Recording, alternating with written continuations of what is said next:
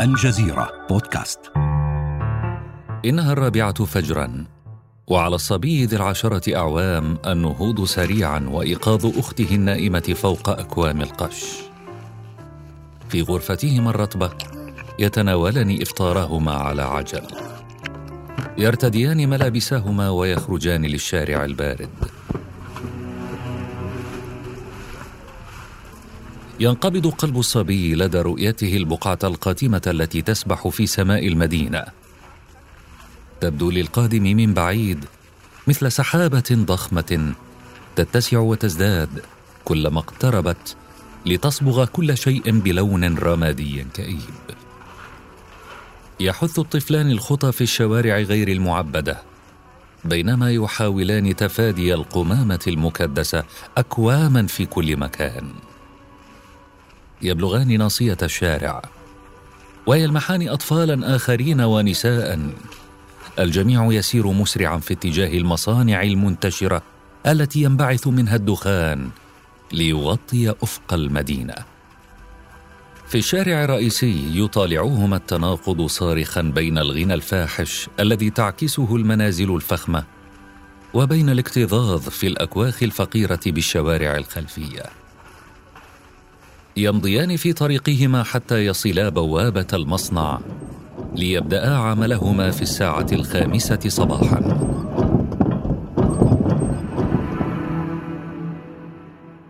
هذه قصة متخيلة لكنها مبنية على وقائع وثقها التاريخ وعاشها العديد من أطفال مدينة مانشستر البريطانية في القرنين الثامن عشر والتاسع عشر. المدينة الصناعية الأولى في العالم التي تحولت إبان الثورة الصناعية من بلدة ريفية هادئة إلى واحد من أكثر الأماكن اكتظاظا وتلوثا في بريطانيا.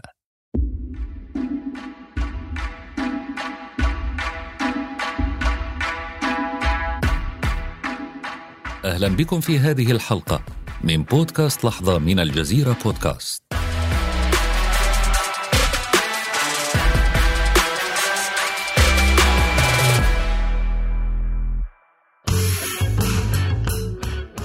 يقسم المؤرخون العالم الحديث إلى فترتين ما قبل الثورة الصناعية وما بعدها.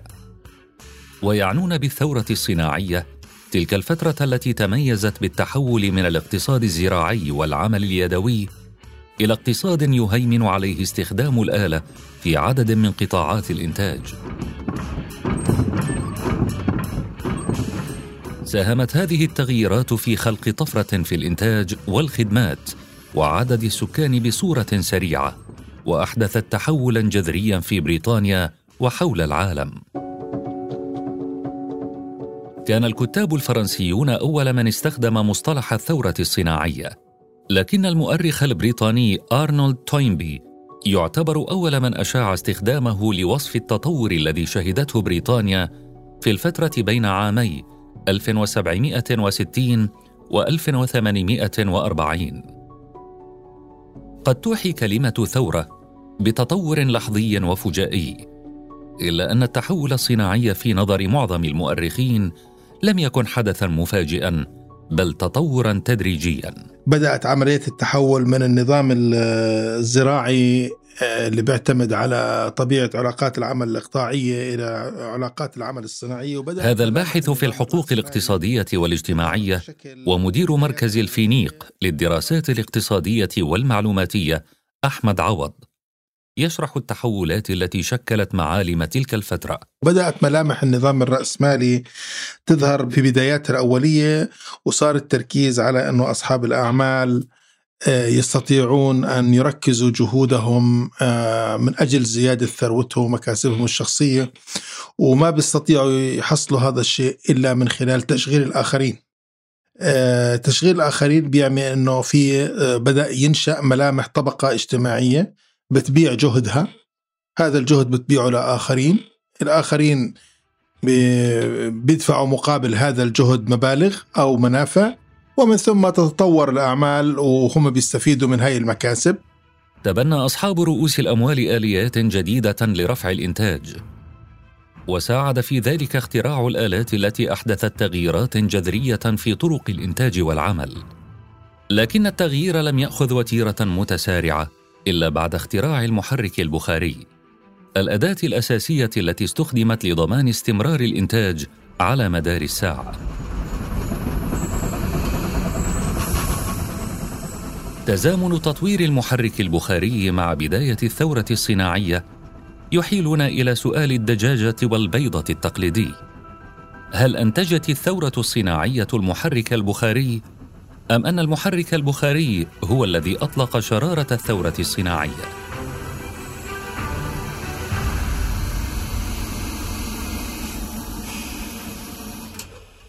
لا توجد إجابة حاسمة. لكن ايا كان الأمر. فمن المؤكد أن التصنيع بدأ قبل ظهور القوة البخارية لكنه لم يكن ليتقدم بهذه السرعة من دونها. كان للمحرك البخاري الذي طوره جيمس وات تأثير هائل على حركة التصنيع في القرن الثامن عشر.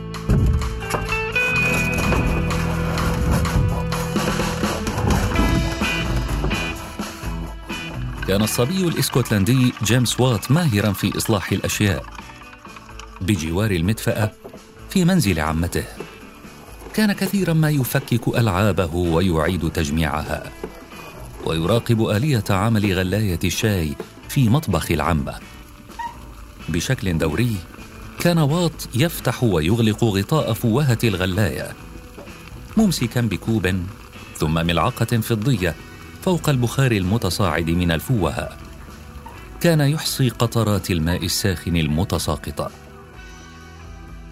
وبخته العمة بشدة بسبب هذا اللعب وقالت له إنه يجب أن يقرأ كتابا بدلا من ذلك.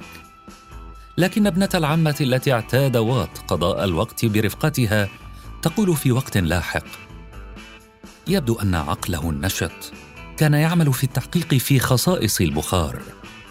كان حينها في الخامسة عشرة من عمره. راجت هذه القصة باعتبارها أصل فكرة المحرك البخاري لدى المخترع الإسكتلندي الشهير. لكن واقع الأمر أن واط لم يخترع المحرك البخاري. كان المحرك نتاجا لقرون من التجارب والضرورات الاقتصادية. وكان أقرب هذه التجارب لعصر وات محرك نيوكومن الذي طلب من وات إصلاحه عام 1764 أثناء عمله في تصليح الأجهزة العلمية بجامعة غلاسكو الأسكتلندية. توماس نيوكومان مهندس ومخترع بريطاني كان يتعامل مع أصحاب مناجم القصدير الذين لجأوا إليه لإيجاد حل لسحب المياه من المناجم بكفاءة. استغرق نيوكومان أكثر من عشرة أعوام من التجريب حتى نجح في مهمته في عام 1712 وطور محركا بخاريا انتشر فيما بعد في أرجاء بريطانيا وأوروبا. ورغم كونه اختراعا مهما فإنه كان يستهلك كميات هائلة من الوقود. يستخدم محرك نيوكومن خزانا واحدا يتم غلي الماء فيه. ليدفع البخار المكبس إلى الأعلى ثم يتم تبريد الأسطوانة بالماء البارد لينزل المكبس إلى الأسفل. وهكذا يتحرك المكبس ذهابا وايابا ليتمكن من تشغيل آلة أو لف عجلة. وهذا النظام يتسبب في هدر للطاقة بسبب التبريد والتسخين المتكرر للأسطوانة. أدرك وات على الفور هذا الهدر الكبير في الوقود والقوة. واستغرق في دراسة عيوب محرك نيوكومان ونقائصه وكيفية معالجتها. في صباح يوم أحد مشمس يخرج وات للتنزه. كانت فكرة المحرك لا تزال تشغل باله. ولحظة وصوله منتصف الطريق عبر المرج الأخضر تخطر في باله فكرة المكثف المنفصل للبخار فبدلا من حقن الماء البارد داخل الأسطوانة سيتم تفريغ البخار منها إلى المكثف هذا يعني أن درجة حرارة الأسطوانة لن تنخفض كثيرا وبالتالي ستحتاج طاقة أقل لرفع درجة حرارتها لاحقاً. وبذلك توصل وات إلى أساس جديد للمحرك البخاري في مايو أيار عام 1765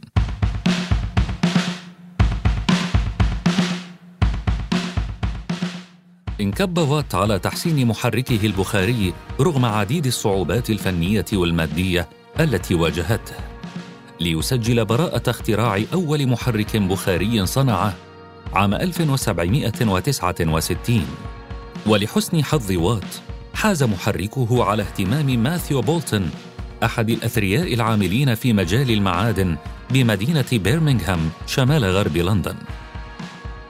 دعم بولتون أعمال وات ووفر له رأس المال اللازم ليتمكن من تطوير محركه.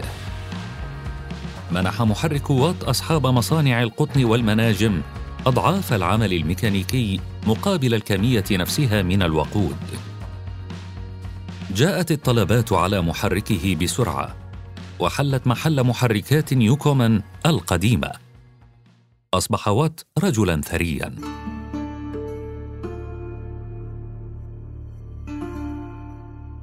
قد يتبادر إلى ذهنكم سؤال لماذا اخترعت هذه الآلات الثورية في إنجلترا وليس في أي مكان آخر؟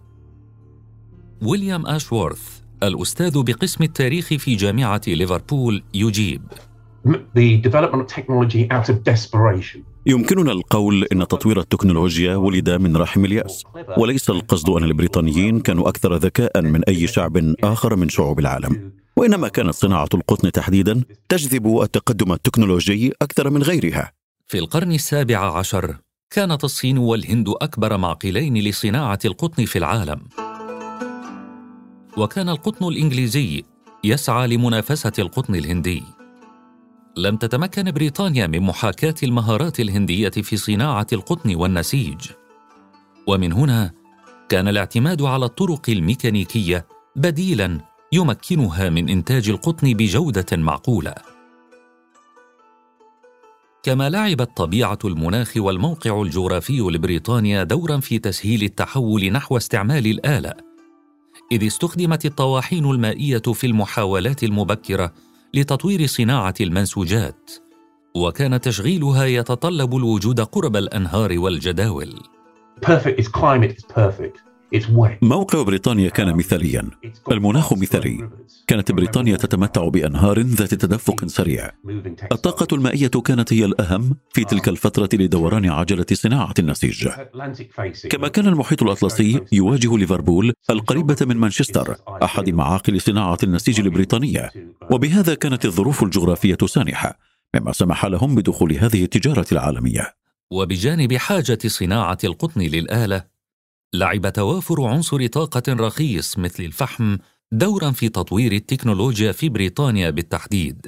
Uh, another popular argument is that coal يوجد سبب آخر لاقى قبولا وهو الفحم الذي كان عنصرا اساسيا لأن محركات البخار لم تكن ستخترع لولا اكتشاف الفحم. بريطانيا كانت تنتج ما نسبته 90% من إنتاج الفحم في العالم كله مع نهاية القرن الثامن عشر. كانت الأرض البريطانية تغص بالفحم. فإذا كنت ستبني محركا يوكومان المعروف بهدره للطاقة فستحتاج إلى مناجم الفحم التي ستؤمن لك قدرا كافيا من الوقود. وهكذا اجتمع توافر الفحم مع نمو صناعة النسيج وحاجة المصانع لتقليل كلفة اليد العاملة. ليكونوا معا حافزا مهما لتطوير التكنولوجيا التي دفعت عجلة التصنيع في بريطانيا. وخلال معظم القرن التاسع عشر كانت بريطانيا القوة الصناعية والتجارية والمالية الرائدة في العالم. بحلول عام 1850 أصبحت بريطانيا مسؤولة عن ثلثي الإنتاج العالمي من الفحم ونصف الإنتاج العالمي من المنسوجات القطنية والحديد. بينما بلغ نصيب مدينة مانشستر وحدها حوالي 40% من إنتاج المنسوجات القطنية في العالم في ذلك الوقت. حاول البريطانيون الحفاظ على ذلك التفوق، فمنعوا تصدير الآلات والعمال المهرة وتقنيات التصنيع. لكن هذه الإجراءات فتحت بابا لعالم الجاسوسية.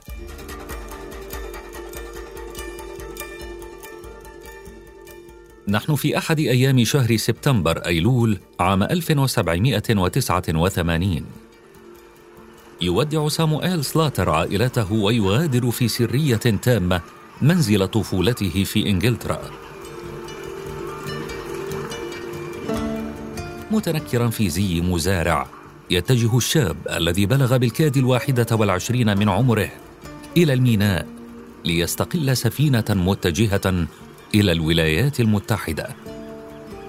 حقيبته فارغة أو تكاد وأثقل ما يحمله كان داخل رأسه.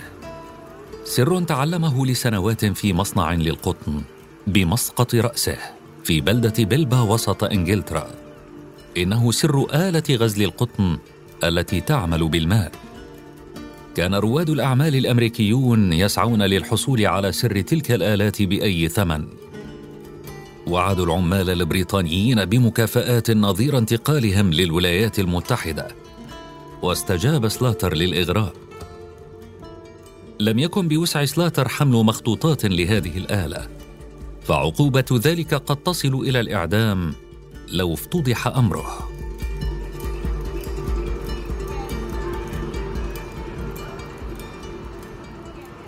يصل سلاتر لسواحل نيويورك فيشرع في نقل ما حوته ذاكرته الوقادة إلى الورق مستعينا في ذلك بمهارته في الرياضيات عام 1790 أسس سلاتر في الولايات المتحدة أول مصنع نسيج على غرار المصانع البريطانية.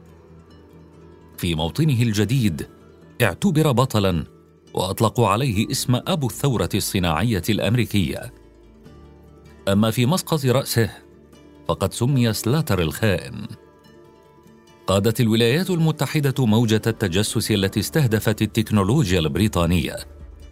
وسبقت ذلك موجة أقدم من التجسس الصناعي في القرن السادس قبل الميلاد لنقل أسرار إنتاج الحرير من الصين إلى أوروبا. ثم انصب اهتمام الأوروبيين على نقل أسرار صناعة الخزف والشاي الصينيين في القرنين السابع عشر والثامن عشر بعد الميلاد.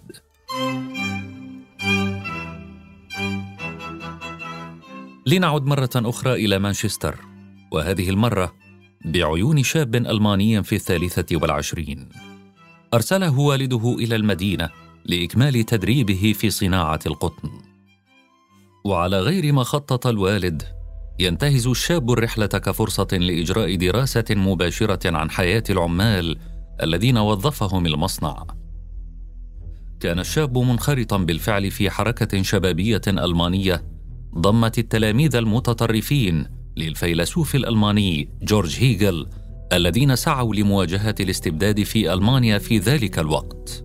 يصف الشاب القلب التاريخي لمانشستر بأنه مكان القذارة والخراب، ويقول إنه غير مؤهل للسكن. كان بكل بساطة الجحيم على الأرض. ظهرت نتيجة هذه الزيارة في كتاب حالة الطبقة العاملة في إنجلترا. لم يكن ذلك الشاب سوى الفيلسوف الاشتراكي الألماني فريدريك إنجلز صديق الفيلسوف الألماني كارل ماركس اجتذبت المدن الأيدي العاملة القادمة من الريف وساعد على ذلك التطور في حركة المواصلات. فزادت الكثافة السكانية في المدن الكبرى بشكل سريع. تضاعف عدد سكان لندن ليبلغ أربعة ملايين نسمة خلال ثلاثين عاما فقط. أما مدينة مانشستر فسرعان ما تضاعف عدد سكانها ثلاث مرات تقريبا خلال خمسين عاما فقط. فأجور المصانع المرتفعة نسبيا جذبت الكثيرين إلى المدينة.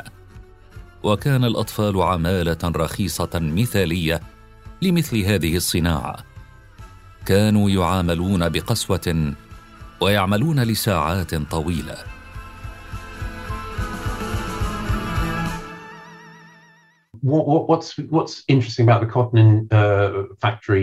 مما يثير الاهتمام في مصنع القطن أنك تستطيع للمرة الأولى أن تجمع الناس في مساحة مركزة وتستطيع أن تراهم وتراقبهم. وهذا يجعل الاختلاس مثلا امرا صعبا. بعكس السابق عندما كان الناس يعملون في بيوتهم بالأوقات التي تحلو لهم المراقبة كانت أقل وكان الناس يبتدعون طرقا لتوفير الغزل واستخدامه لأغراضهم الشخصية وأصبح هذا جزءا من الاقتصاد العرفي.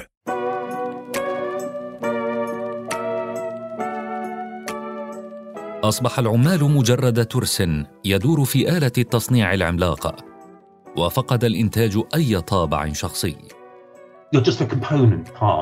أنت الآن مجرد جزء من آلة تصنع منتجا. هذا ما يعرف بالاغتراب على ما أظن.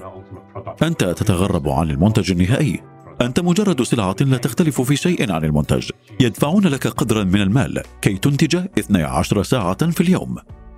الحرفيون الذين أمضوا سنوات يتعلمون المهارات اليدوية الدقيقة لصناعة النسيج شعروا بتهديد الآلات الجديدة لحرفتهم. تمردت مجموعة منهم في مانشستر على إدخال الآلات. وفي التاسع من أكتوبر تشرين الأول عام 1779 وقعت الحادثة الأولى من أعمال الشغب التي قام بها من عرفوا باللودايت نسبة إلى نيد لود. المتدرب الشاب الذي ترددت شائعات بأنه حطم جهازا للنسيج في العام نفسه.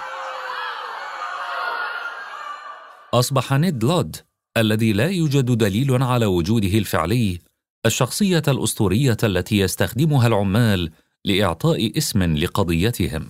All the textile industries, well, particularly woolen textiles, are really worried about كان الحرفيون في جميع الصناعات النسيجية وخاصة المنسوجة الصوفية قلقين حقا بشأن مستقبلها في ظل التكنولوجيا الجديدة.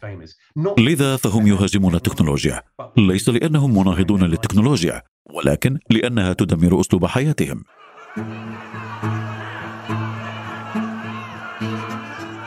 كان العمال يأملون في أن تؤدي غاراتهم على المصانع. إلى ردع أرباب العمل عن تركيب تلك الآلات باهظة الثمن. لكن الحكومة البريطانية تحركت من خلال إقرار الإعدام كعقوبة لكسر الآلات. وبحلول عام 1813 كانت مقاومة اللودايت قد اختفت تماما وانتشر استعمال الآلة في صناعة النسيج. في الوقت الذي أفرزت فيه الثورة الصناعية ظروف عمل قاسية واوضاعا معيشية صعبة للطبقة العاملة فإنها أدت بالمقابل إلى نمو الطبقة الوسطى التي ضمت معظم من يمتلكون ويديرون المصانع الجديدة والمناجم والسكك الحديدية من بين صناعات أخرى. كما أتاحت المزيد من السلع الاستهلاكية للناس العاديين ورفعت مستوى معيشتهم.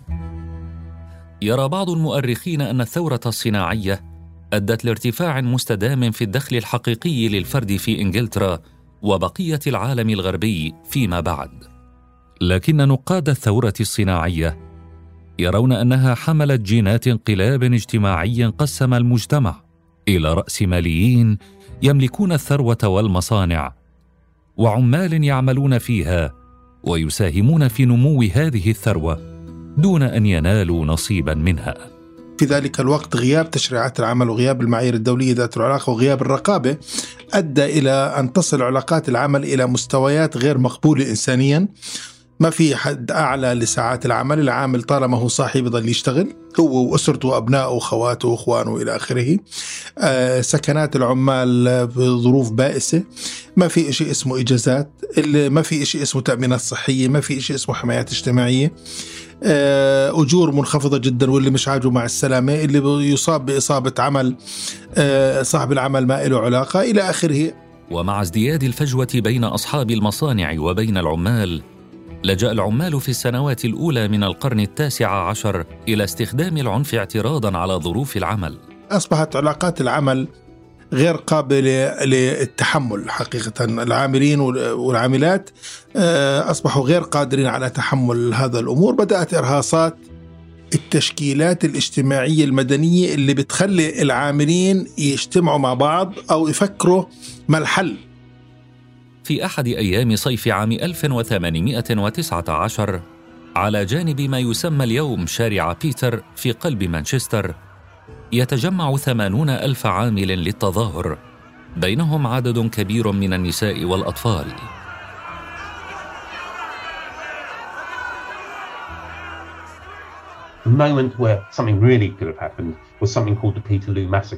كانت إحدى اللحظات التاريخية التي كان لها أن تغير الواقع هي ما يعرف بمجزرة بيترلو التي وقعت عام 1819 كانت بيترلو أقرب إلى ضاحية في مدينة مانشستر. وكان هناك تجمع كبير من العمال الذين جاءوا ليستمعوا للخطباء السياسيين من أمثال هنري هانت والذين كانوا يدينون سياسات الحكومة. كان هانت يتحدث عن الضرائب تحديدا ولكن كان هناك آخرون ممن عارضوا الصناعات الأخرى. كانت المظاهرة تتويجا لسلسلة من التجمعات السياسية التي عقدت في العام الذي شهد ركودا صناعيا وارتفاعا في أسعار المواد الغذائية. مظاهرة سلمية سادتها أجواء احتفالية. وكان الهدف منها التعبير عن السخط والمطالبة بحق العمال في التمثيل السياسي في البرلمان في وقت لم يكن يحق فيه التصويت إلا لملاك الأراضي الأثرياء.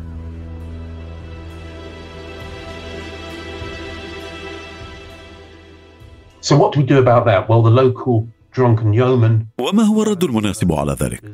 جاء أحد الإقطاعيين السكارى وجمع أصحاب المحال وملاك الأراضي ومر فوق المتظاهرين بالأحصنة. مات عدد من الناس وجرح آخرون. وأحدث هذا صدمة عمت البلاد. انتهى اليوم نهاية مأساوية. وأسفرت الحادثة عن مقتل أحد عشر شخصا وإصابة خمسمائة آخرين على الأقل. كانت الصحف في هول مما حصل.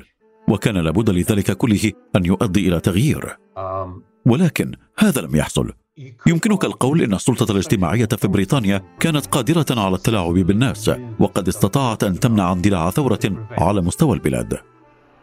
ورغم فشل التظاهرة في تحقيق أهدافها فإن كرة الثلج كانت قد بدأت بالفعل في التدحرج. لم يعد من الممكن إيقافها.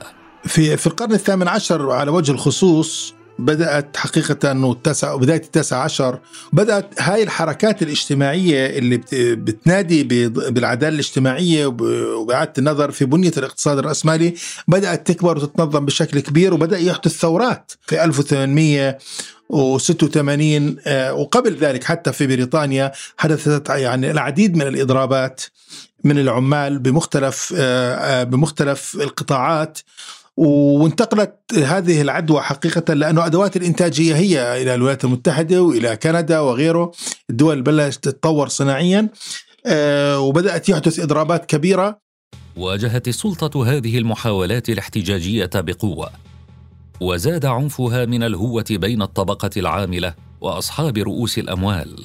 أصحاب الأعمال في ذلك الوقت المتضررين من هذه الإضرابات طالبوا من السلطة السياسية في ذلك الوقت أنها تبطش بالعاملين وحقيقة بطشت بالعاملين المضربين وراح ضحيتها آه، يعني العديد من العمال والعاملات ماتوا في ذلك الوقت قتلوا أثناء مواجهتهم من قبل السلطة السياسية وقوات الأمن. تحول المصنع إلى حلبة صراع بين الطبقتين ليخرج هذا الصراع لاحقا من المصنع إلى عموم المجتمع.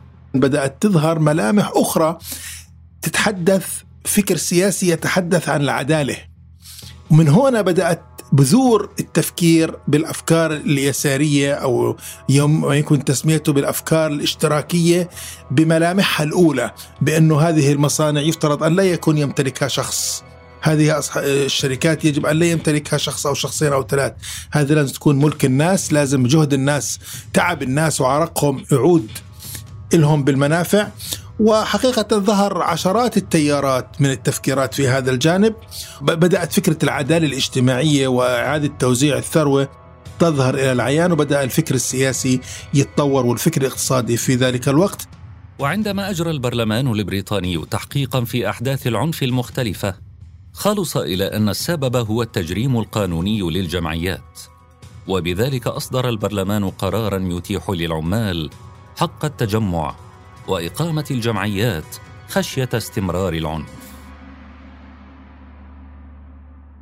وبعد أكثر من نصف قرن من حادثة بيتر لو صدر أول قانون للنقابات العمالية في بريطانيا باسم نقابات العمال الإنجليزية في العام 1871 وبدأت الحركات الاجتماعية التي تنادي بالعدالة الاجتماعية وبإعادة النظر في بنية النظام الرأسمالي تنتشر في بريطانيا وخارجها.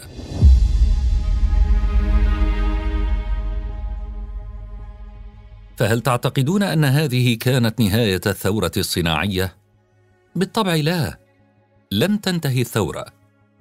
واستمر التطبيق المتزايد للعلوم في مجالات الصناعة في دفع عجلة النمو الاقتصادي. شهدت أوروبا ثورة صناعية ثانية بين عامي 1870 و 1914 وبينما أدت الثورة الأولى إلى اختراع الآلات ومن أهمها المحرك البخاري تميزت الثورة الصناعية الثانية باستخدام موارد طاقة جديدة مثل الغاز والكهرباء والبترول وتطورت صناعات الفولاذ. الأمر الذي أدى إلى حدوث نقلة في بناء السفن والمواصلات واختراع محرك الاحتراق الداخلي وتوليد الطاقة الكهربائية.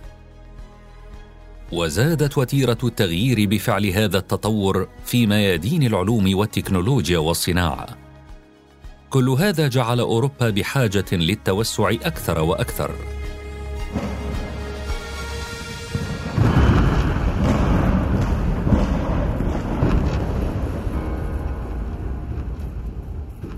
ساهم الاستعمار برفض المصانع الغربية بالمواد الأولية لتوسيع إنتاجها.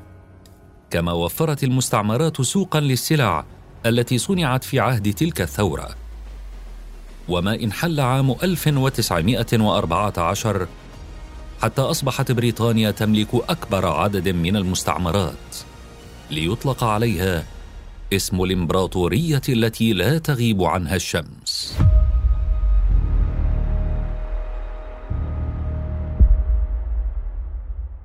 بالنسبة لشعوب المستعمرات البريطانية في أفريقيا جلب التصنيع استغلالا جديدا ومؤلما.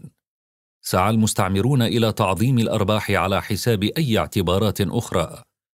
فظهرت أشكال مختلفة من استغلال العمال. الاستعمار لم ينقل مصانع للمنطقة هو نقل آه نقل آه آه علاقات عمل ونقل مستوى بدائي من الأعمال وفي تفاوت من بين دولة إلى دولة هو آه، فتح أسواق لمنتجاته الفائضة في أوروبا وخاصة أوروبا الغربية وكندا وأمريكا. في نفس الوقت هو حصل على أيدي عامله بخسه يعني بجوز في منطقتنا العربية ما طلع عبيد على هذه الدول ولكن من إفريقيا هناك ملايين العبيد تم بين قوسين للأسف آه، تم تهجيرهم للعمل بالسخرة مقابل أكلهم وشربهم يعني. قصص العبيد في بالذات في الولايات المتحدة وفي آه، بعض دول أوروبا انتشرت بشكل كبير. ولكن علاقات العمل بقيت كما هي بمعنى آه، تقوم على الاستغلال تقوم على طبقة اجتماعية تستغل طبقة أخرى من أجل هي تعيش بمستويات رفاهية عالية وهي الطبقة المستغلة لا تحصل على إلا على فتات ما يكفيها من العيش. علاقات العمل القائمة على الاستغلال حفزت افكارا مضادة لها كذلك. انتقلت علاقات الإنتاج وعلاقات العمل في من هاي البلدان إلى البلدان المستعمرة ومن بينها دول منطقتنا. وانتقلت الأفكار المناهضة. اينما وجدت علاقات عمل فيها استغلال؟ تنشأ الأفكار المضادة لأنه هذا منطق الحياة. آه، بدأت تنشأ هاي آه، الحركات الاجتماعية والحركات النقابية. وكانت تناضل باتجاهين تناضل باتجاه تحسين شروط العمل من جانب وتحسين حياتها اليومية شروط حياتها اليومية ومن جانب آخر كانت تناضل ضد الاستعمار.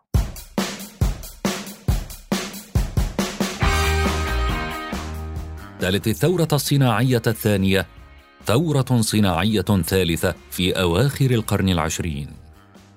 تميزت بانتشار الأتمتة والرقمنة من خلال استخدام الإلكترونيات وأجهزة الكمبيوتر واختراع الإنترنت واكتشاف الطاقة النووية.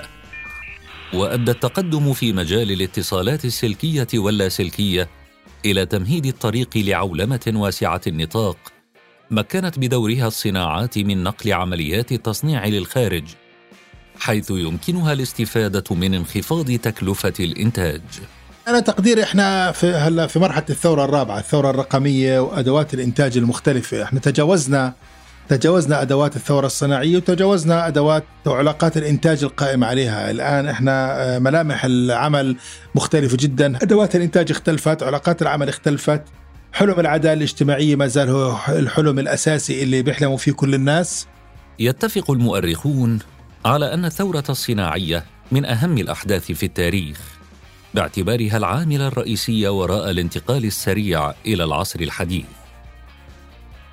لكنهم يختلفون حول آثار هذه الثورة على البشرية بفضلها أصبحت البضائع متاحة لقطاعات أكبر من الناس وحدث تطور سريع في الاختراعات التي تسهل العمل كما كانت المحرك للتطورات المختلفة في مجال الطب إذ سمح التصنيع بإنتاج الأدوات الطبية بسرعة أكبر ومكن المرضى من الحصول على رعاية أفضل.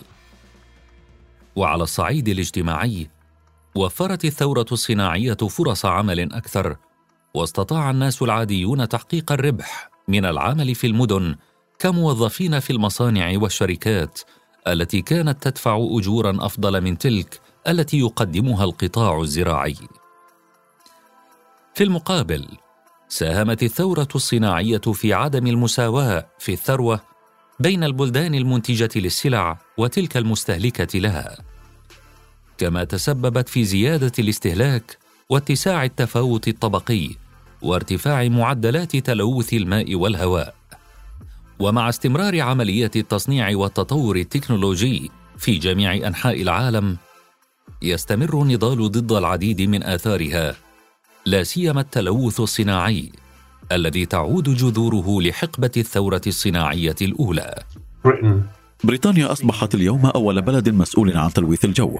كانت مسؤولة عما يتراوح بين 80 و 90% من إجمالي عمليات استخراج الفحم حول العالم. وبحلول منتصف القرن التاسع عشر كانت ما نسبته تتراوح بين 60 و 70% من إشعاعات الكربون تصدر من هذه الجزيرة الخضراء. ومع استخدام الفحم على نطاق واسع خلال الثورة الصناعية كان للدخان الناتج عن ذلك آثار صحية خطيرة على سكان المراكز الحضرية المتنامية. أي أن التلوث وإيذاء البيئة كان جزءا لا يتجزأ من حقبة التحول الصناعي وأرى أن كل ذلك يعود أصله إلى الثورة الصناعية وما تبع ذلك من تحولات صناعية في بلدان أخرى. بجانب نمو عالم المستهلك الذي نعيش فيه اليوم حيث لا هم لك سوى أريد أريد أريد. ولا نعرف ماذا نفعل بالنفايات الناتجة عن ذلك. أعتقد أن نهاية الثورة الصناعية قد تكون الدمار الشامل. والسبب في دمار الكرة الأرضية نتيجة للضرر البيئي التي تسببت به.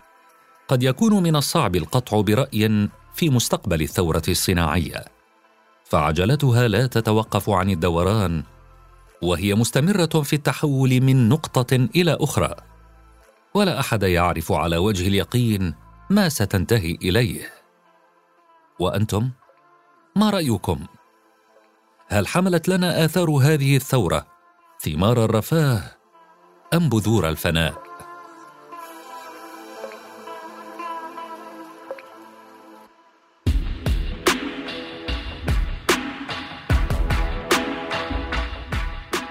في الحلقات المقبلة من بودكاست لحظة سنحكي لكم عن لحظات مفصلية أخرى من تاريخ منطقتنا والعالم. انتظرونا ولا تنسوا زيارة موقعنا على الإنترنت. podcast.aljazeera.net ومشاركة هذه الحلقة مع أصدقائكم. إلى اللقاء.